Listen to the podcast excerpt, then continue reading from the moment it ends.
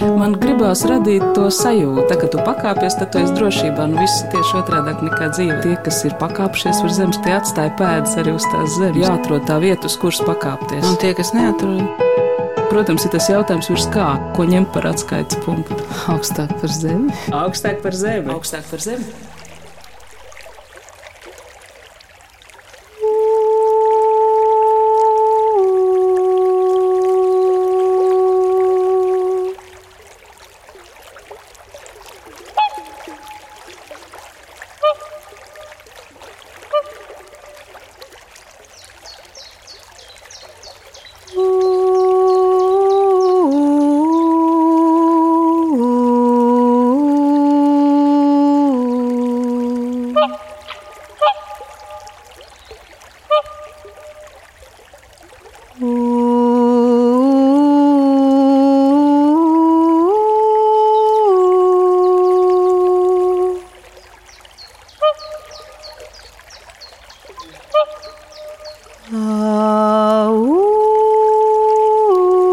Esiet sveicināti!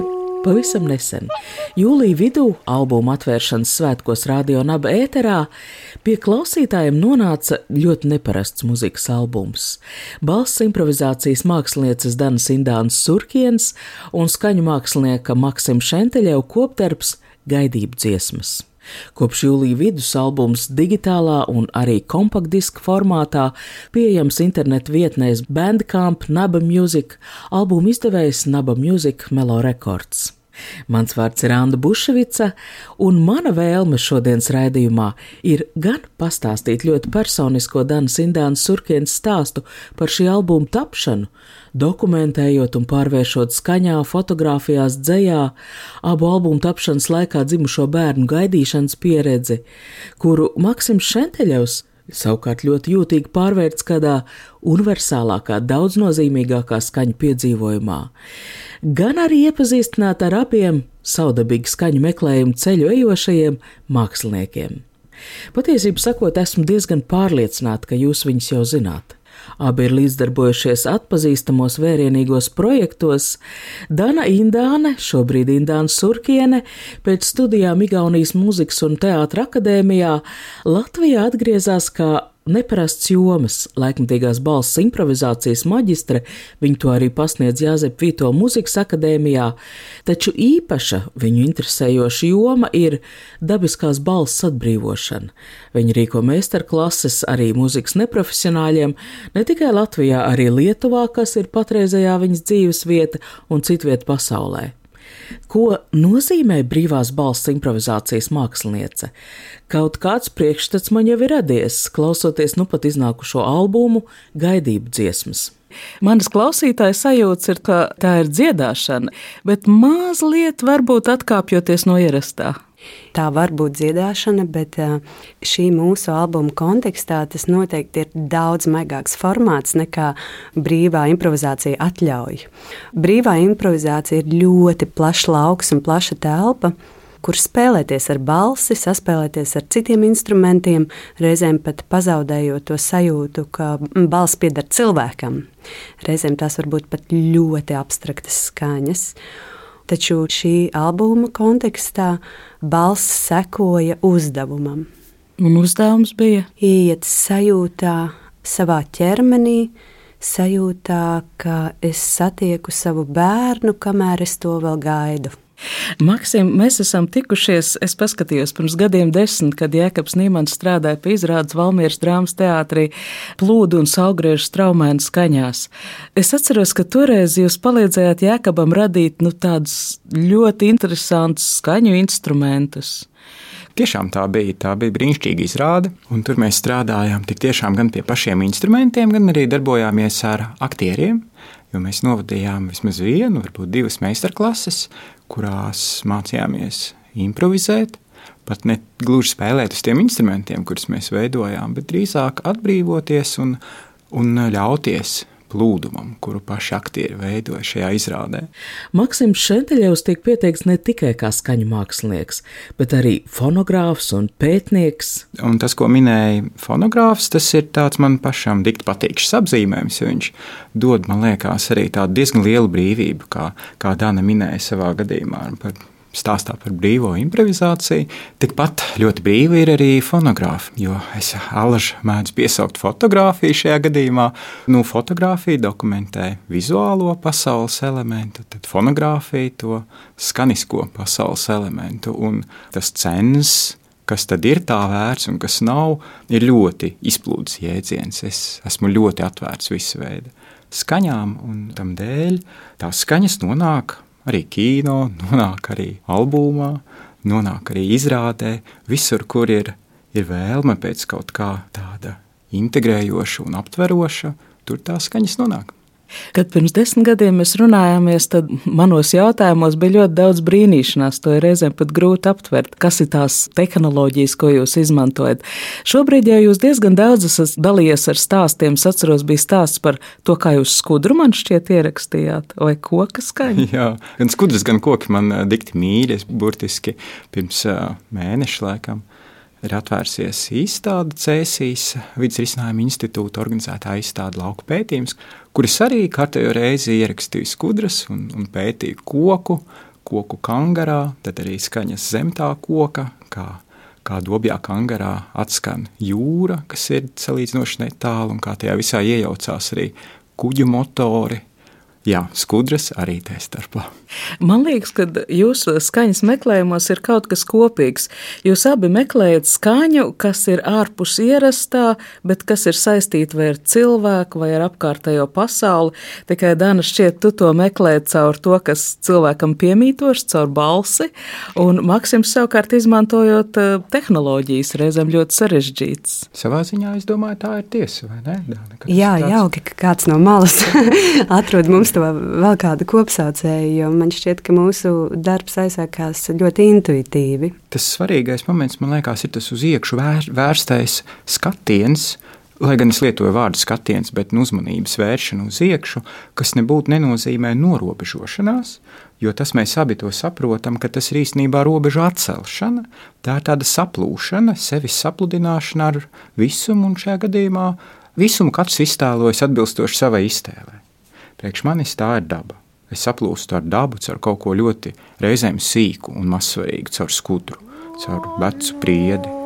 Un tajā es saskatu tādu iespēju caur spraugu ielīst dziļāk, dziļāk ieskatīties, ieklausīties, iejusties sevi un arī apkārtējā pasaulē, nojaucot to, to izdomāto, trauslo un īstenībā neeksistējošo robežu, kas ir es. Un līdzīgi dara Dana.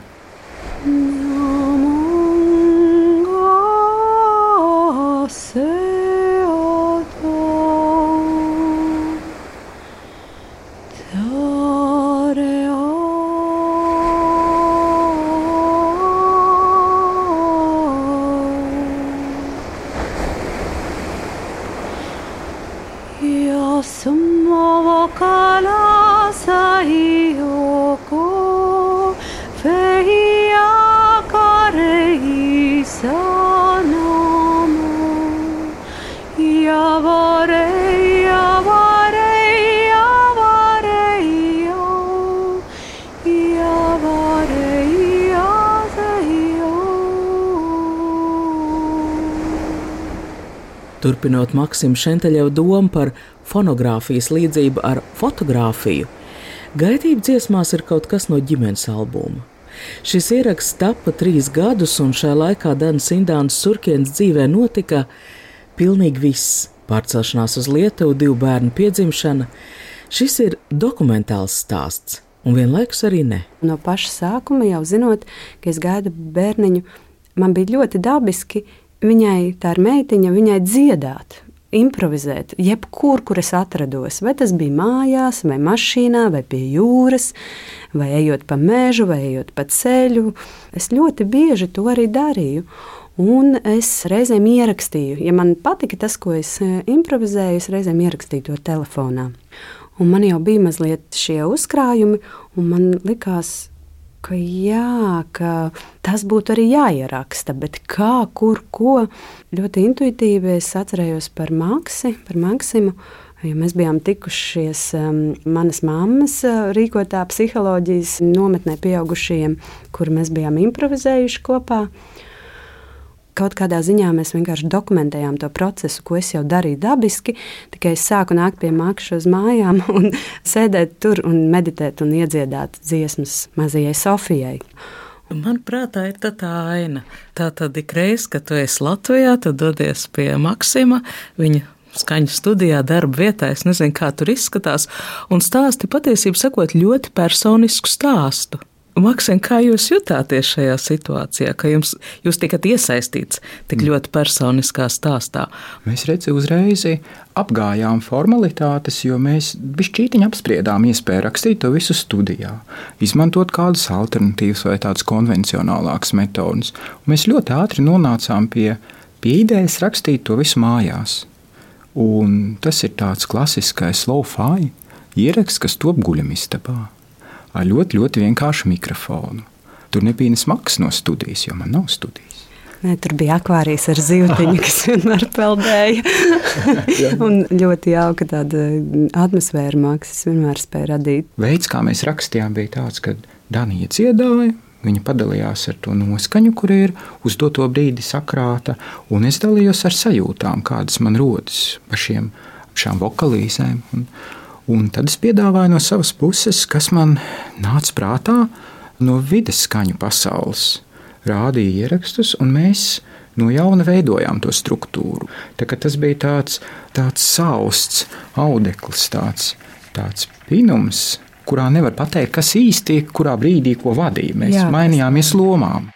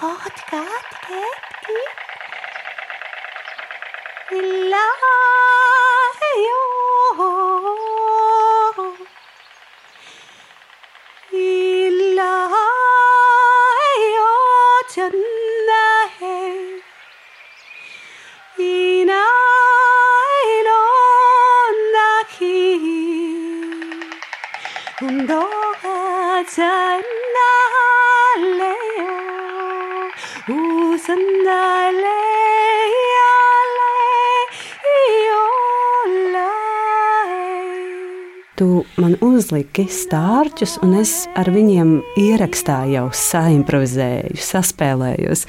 Un, uh, Te arī īstenībā tādā nosaukumā, teiksim, ir septītā dziesma, stārķis, iekavās spēles prieks, jo es atceros, cik man bija vienkārši tāds prieks ar tiem stārķiem tur spēlēties. Un es iedomājos tieši par to bērnu un kaut kā iekšējo bērnu, un tā bērnu sajūta bija ļoti klātesoša.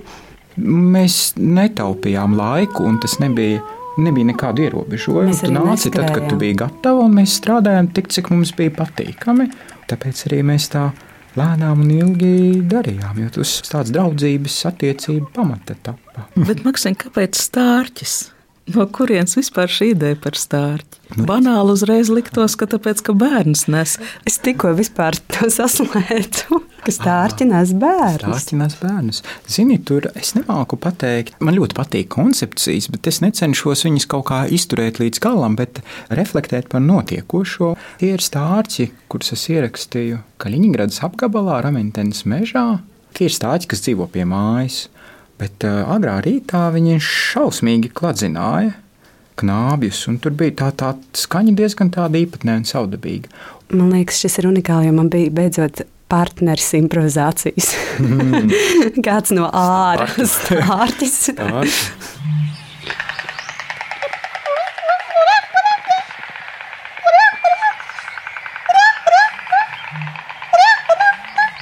Nepilnu stundu garais albums iedalīts dziesmās.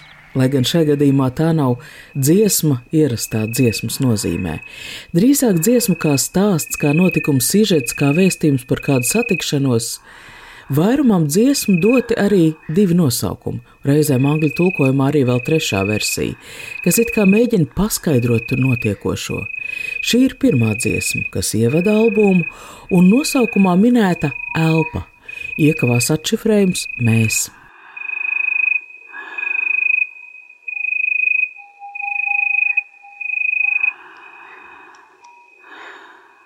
Pirmais skandarbs arī ir ļoti īpašs, jo tas ir vienīgais, kuram mēs pierakstījām klāt Sofiju, kad viņa piedzima. Jo tad, kad piedzima Sofija, kādu laiku, protams, es biju Lietuvā, un tad, kad es lēnām sāku atkal braukt uz Latviju, un atkal bija iespēja tikties, tad jau tagad es nācu pie Makša arī ar Sofiju un savu vīru. tad jau mēs nācām visi trīs. Un vienā tādā reizē mēs ierakstījām to, ka Sofija dzer pieniņu, un viņas elpa ir dzirdama. Un mēs ielikām šo skaņu, kur ir gan mana elpa, gan Sofijas elpa, tādā dabiskā procesā, un ar to sākas viss, viss disks, ka šis bērniņš jau ir klātesošs no paša sākuma. Tad iznāk, ka šis skaņdarbs ir tā kā tava vesela biogrāfijas nogriežņa koncentrāts, sākot ar tām bažām, uzsākot jaunu dzīvi Lietuvā, ar apjausmu, kā mainās sievietes ķermenis gaidot bērnu, līdz jau brīdim, kur šis bērniņš dzer pieniņu. Tas ir skaists stāsts, jā. Piemēram, šeit ir vienā dziesmā arī ļoti klātesošs Danas vīrs, Tadas ir ļoti vīrišķīga dziesma. Arī tā dziesma ir vēja pūķis, mm -hmm. jo tās vēja skaņas, kas tur skan, ne visas, bet tā lielākā daļa, tas pamatvadošais motīvs ir pūķis, jo tādas darbojas ar pūķiem. Viņš izgatavo un darbina industriālos pūķus, kas ir lieli un spēcīgi. Tā kā vējš ir tādas rokās turēta aukla, kur spēcīgais lielais pūķis plosās Un beigās viņš arī, man liekas, krita tas puķis vai kāds cits. Tajā reizē bija kaut kāds krešs ar puķi. Bet katrā ziņā tā skaņa ir vējš, kas dzied auklā, kur tādas tur rokās, jo mikrofoni, virsmas mikrofoni piestiprināti pie tās auklas.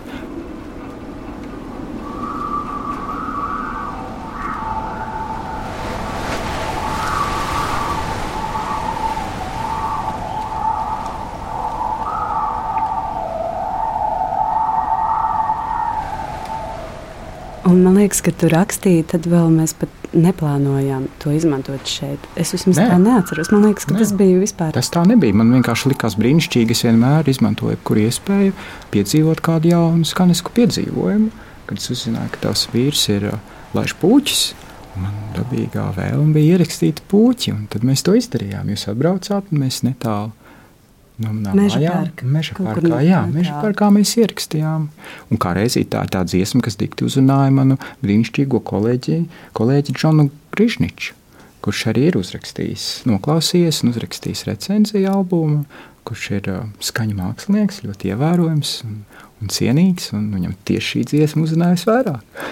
es arī iedomājos, kā Maksim, kā jūs, kā skaņu mākslinieks, esat kā tā, nu, nu, mazliet dieva vietā, mazliet kā režisors, nu, ka jūs paaicinat tos Kaļiņģerādas stārķus, uzaicinat savā studijā, un tur viņi kļūst par daļu no Danas stāsta. Tas tā ir, tas ir neticami brīnišķīga sajūta, kad tavām fantāzijām būtībā nav robežu. Var satikties jebkas no tavas pieredzes, un arī no citu cilvēku pieredzes, un rezonēt telpā, gan, gan fiziskajā, gan iekšējā, citu cilvēku telpā.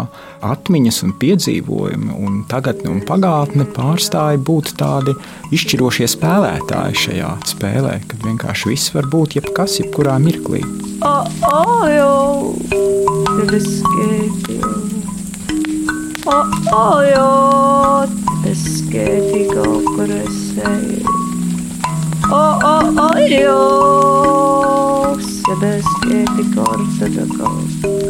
O, ojot, te, te, te,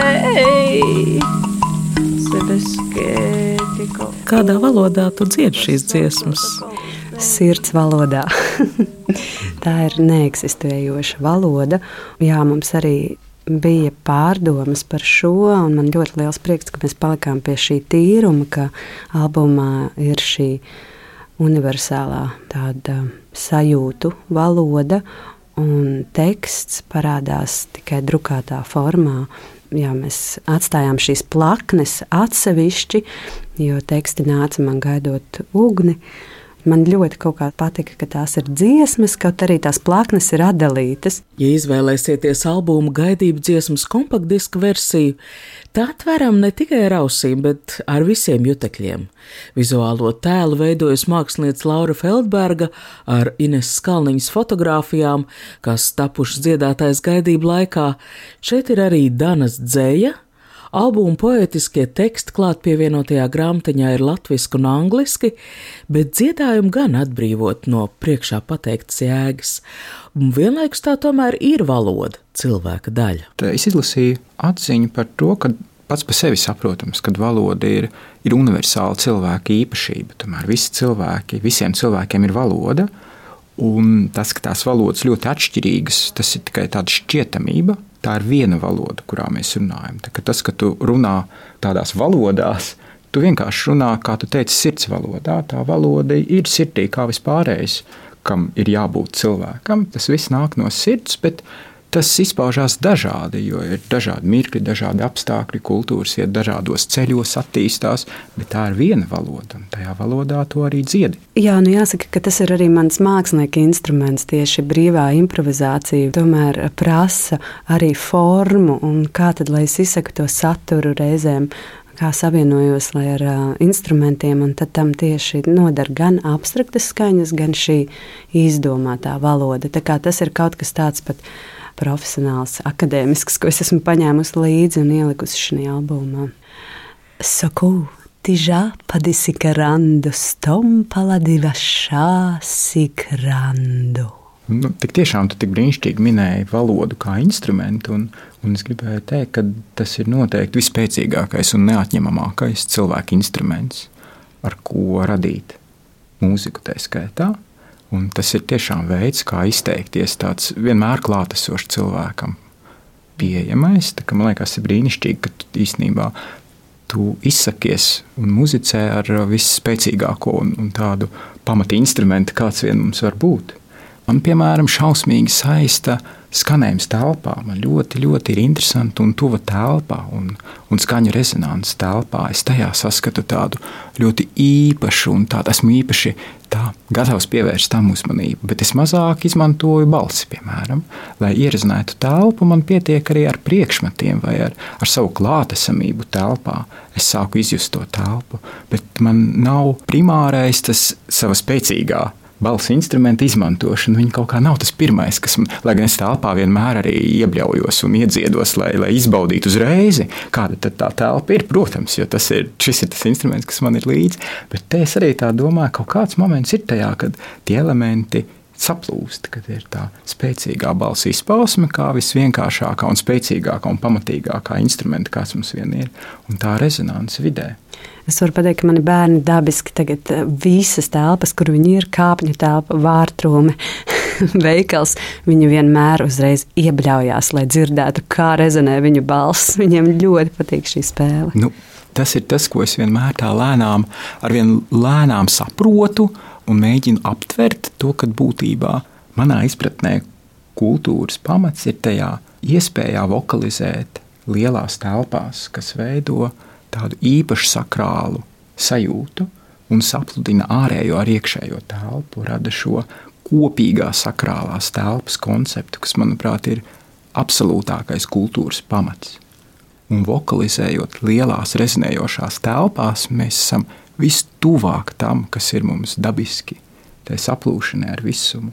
Un tas ir tik vienkārši, tik unikāli, ka pateicoties tam radās visa mūsu kultūra. Un tik brīnišķīgi, ka mēs varam jebkurā brīdī, jebkurā vecumā pieskarties, neko nelaužot, nekam nekāpjot pāri, bet dabiski izpaužoties ar savu balsi telpā, mēs varam momentāli vienoties ar to, kas mēs patiesībā esam vienmēr bijuši un būsim. Un dokuru sono iandaire un dokuru sono iondaio un da sere kirei ambaye Ori kira sana nandairo Ando kusoro koloram baie Ada koseri kiri dandairo Oda san kolororo bambaio Albums Gaidību dziesmas noslēdzas ar automašīnas skaņu. Ne faktiski tas noslēdzas ar tukšumu, ar klajumu mežā, kas paliek, kad mašīna aizbraukusi, bet šī telpa ir pilna dzīvības, tā ir elpojoša. Mm.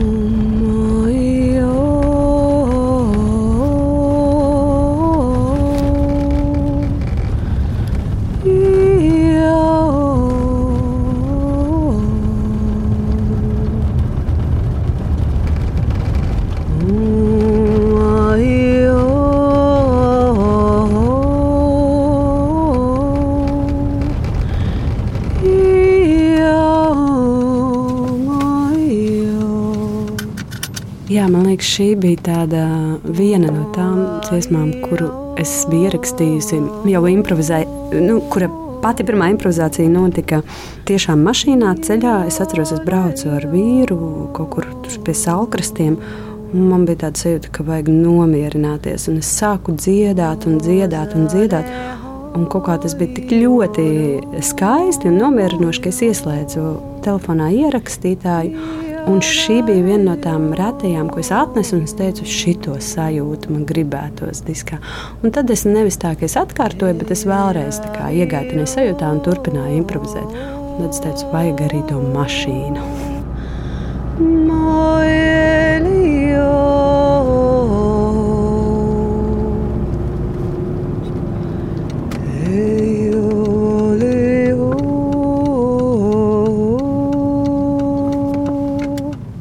Nonācām pie tā, ka tu tā nāc no meža, iznāc no meža, tā būs pēdējā dziesma, tu iznāc no meža, iesēdies mašīnā, brauc un dungo, tu dziedi dziesmu, jo tas bija dabīgais veids, kā tu ierakstīji šo dziesmu. Tā bija mašīnas dziesma.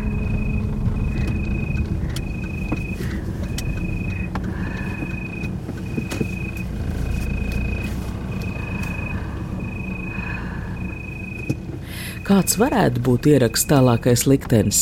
Sociālajos tīklos par to jūsmo dūlas, dzemdību palīdzes, kuru darbs ir topošās māmiņas psiholoģiski sagatavot gaidāmajam notikumam. Savukārt uz albumu vāciņu citēta recenzija mūzikas žurnālam. Mēs to vairāk kārt apspriedām, ka viņam principā nav, nav nekādu robežu, ierobežojumu vai formātu šim darbam. Viņam nav piesaistes žanram vai valodai ideja un sajūta ir universāla un patiesa, un viņā ir dokumentālais materiāls iemiesots, kas uzrunā, jo viņš ir spēcīgs. Ja reiz tas ir dokuments, kas ievibrē pašus autorus vai līdzdalībniekus, tad viņš nevar nebūt iedarbīgs arī kādam citam cilvēkam. Tā kā viņam ir milzīgs potenciāls doties visos virzienos, gan skaņu terapijas virzienā, gan tīrās skaņu mākslas, arī apstrādājot šo ierakstu. Viņš nav zaudējis savu to pirmotnējo formu, lai gan bija tuvināts maksimāli radio formātam, diska formātam, jo viņš ir mežonīgāks pēc savas būtības. Mēs strādājot ar Ošķislavu, maigi savaldījām savu mežonīgo impulsu, lai tas varētu nonākt līdz cilvēkiem, līdz klausītājiem, arī pastarpināti caur mēdījiem. Jo mēs varam uzstāties jebkurā festivālā, Mēs nevarēsim bet, atkārtot. Tā arī ir viena nemēģināsim.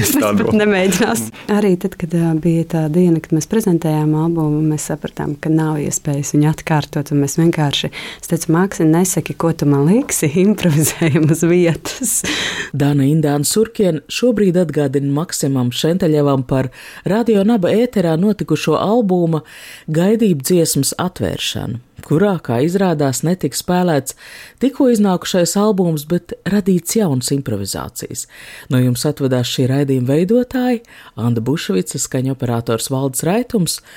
Šī noslēguma atziņa savā ziņā silda, Gaidību dziesmas ir pieredze, kur var pielāgot, lai ar to dalītos ar citiem, bet nav iespējams atkārtot. Jo tāpat kā šīs muzikas tapšanas laikā dzimušie bērniņi, arī pats ieraksts dzīvo šobrīd nu jau savu dzīvi.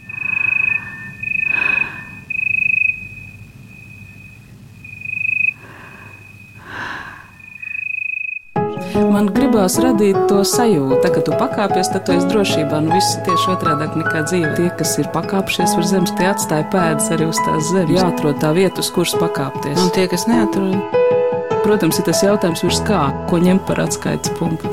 Augstāk par zemi. Augstāk par zemi. Augstāk par zemi.